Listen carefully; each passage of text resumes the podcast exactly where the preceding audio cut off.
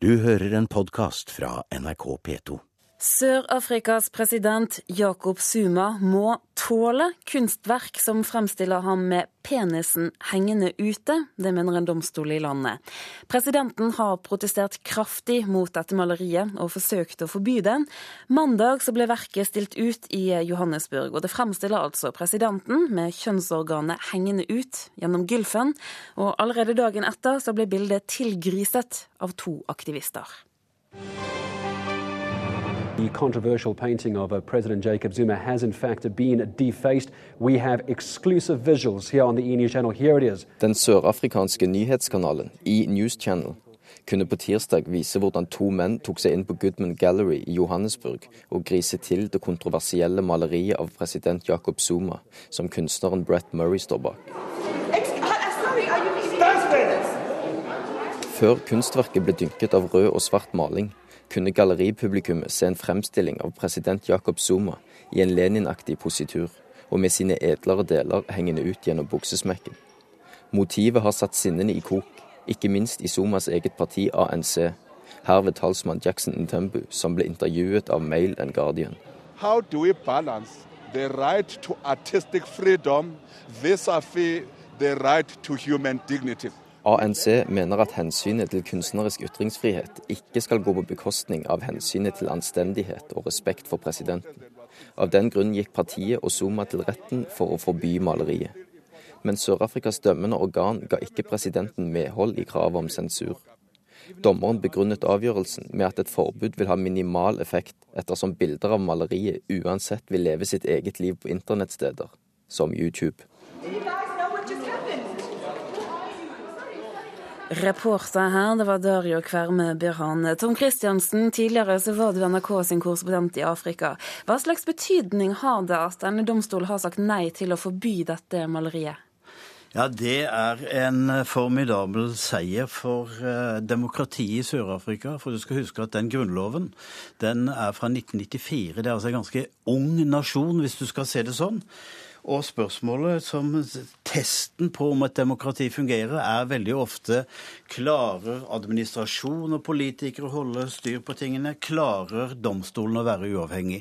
Og her har domstolene i Sør-Afrika retta seg i ryggen og stoppet presidenten. Og det er klart at det skal man merke seg, fordi dette dreier seg om ytringsfrihet. Og Zuma har jo forsøkt dette tidligere. Tegneren Shapiro tegnet Zuma med en sånn dusjdyse på hodet. Og det gjorde han fordi Zuma i en voldtektssak mot han hevdet at man får ikke aids hvis man tar en dusj etterpå. Og dette var så krenkende for Zuma at han krevde 15 millioner, og han fikk ingen domstol til å gå for det. Og denne gang så er det igjen et forsøk på å, å innskrenke ytringsfriheten fra Zuma som blir stanset. Og så skal du huske en ting. Han, ber ikke bare, han ba ikke bare om at dette maleriet skulle fjernes fra et galleri. Han krevde at det skulle fjernes fra nettet. Det sier jo litt om hvor lite han vet om nettet, men det sier også litt om hvordan han tenker eh, at ytringsfriheten skal være. Ja, for Det er vel en spesiell ting fra, for en president i et demokratisk land å kreve dette?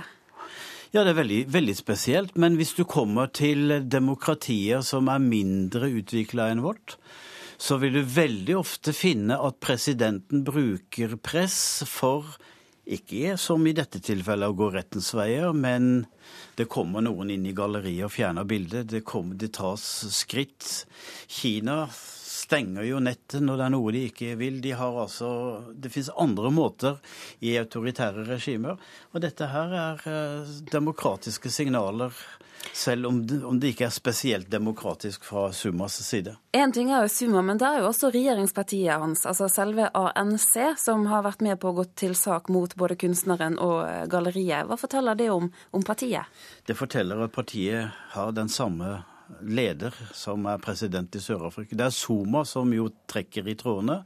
Og dette gjør Sør-Afrika fordi eller ANC fordi de vil altså, støtte opp om han og, og ta det som et sånn tegn på det.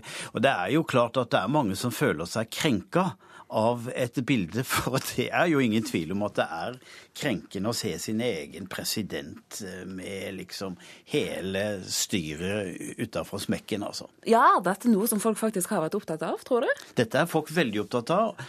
Noen mener at dette er for grovt. Andre humrer fordi denne presidenten han har jo hatt en fem-seks koner etter hvert. Han har jo 20 barn, og, og, de færreste av dem er født innenfor ekteskap. Altså det er noen her og det er noen der, og det pågår hele tiden.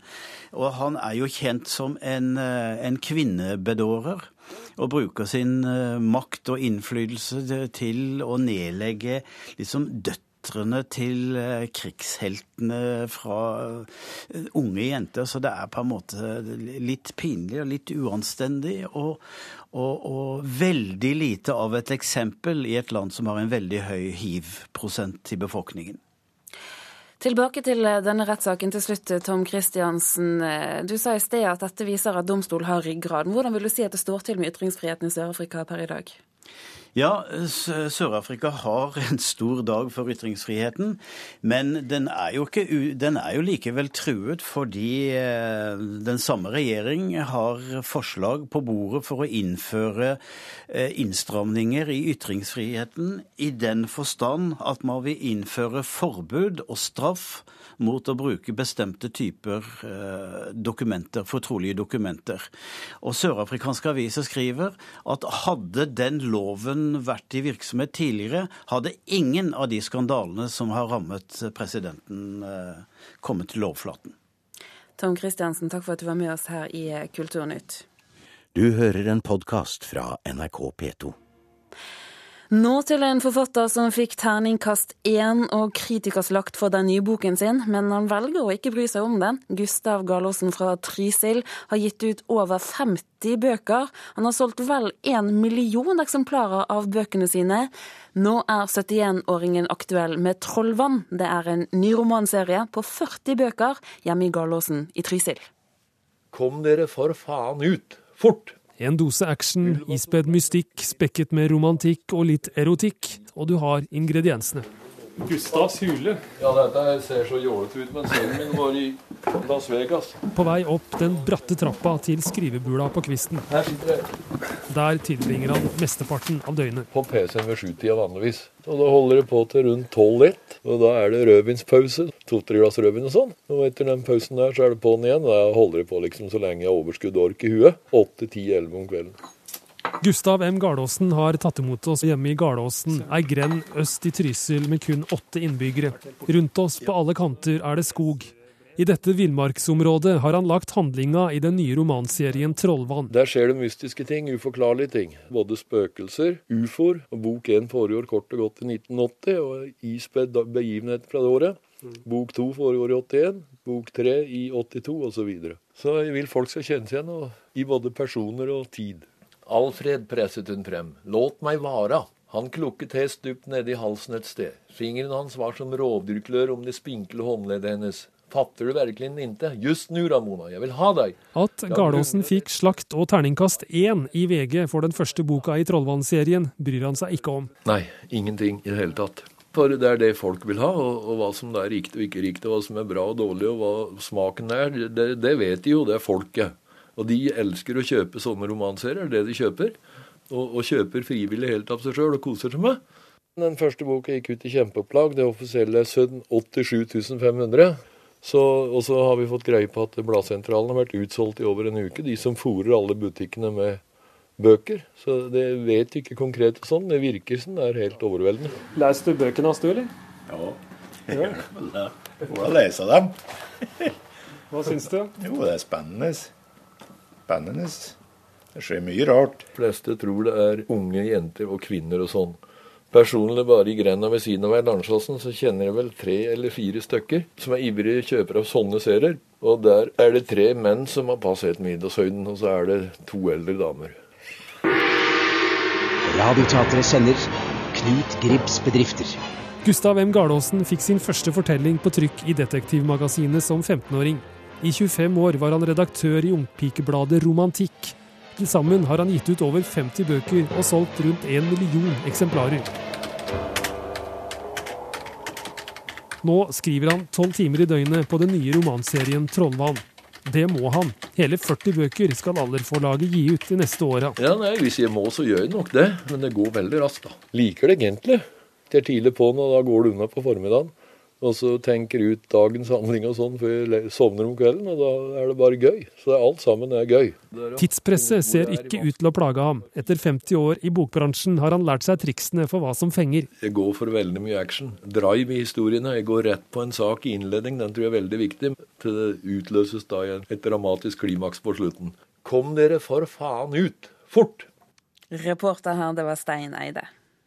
Du har hørt en podkast fra NRK P2.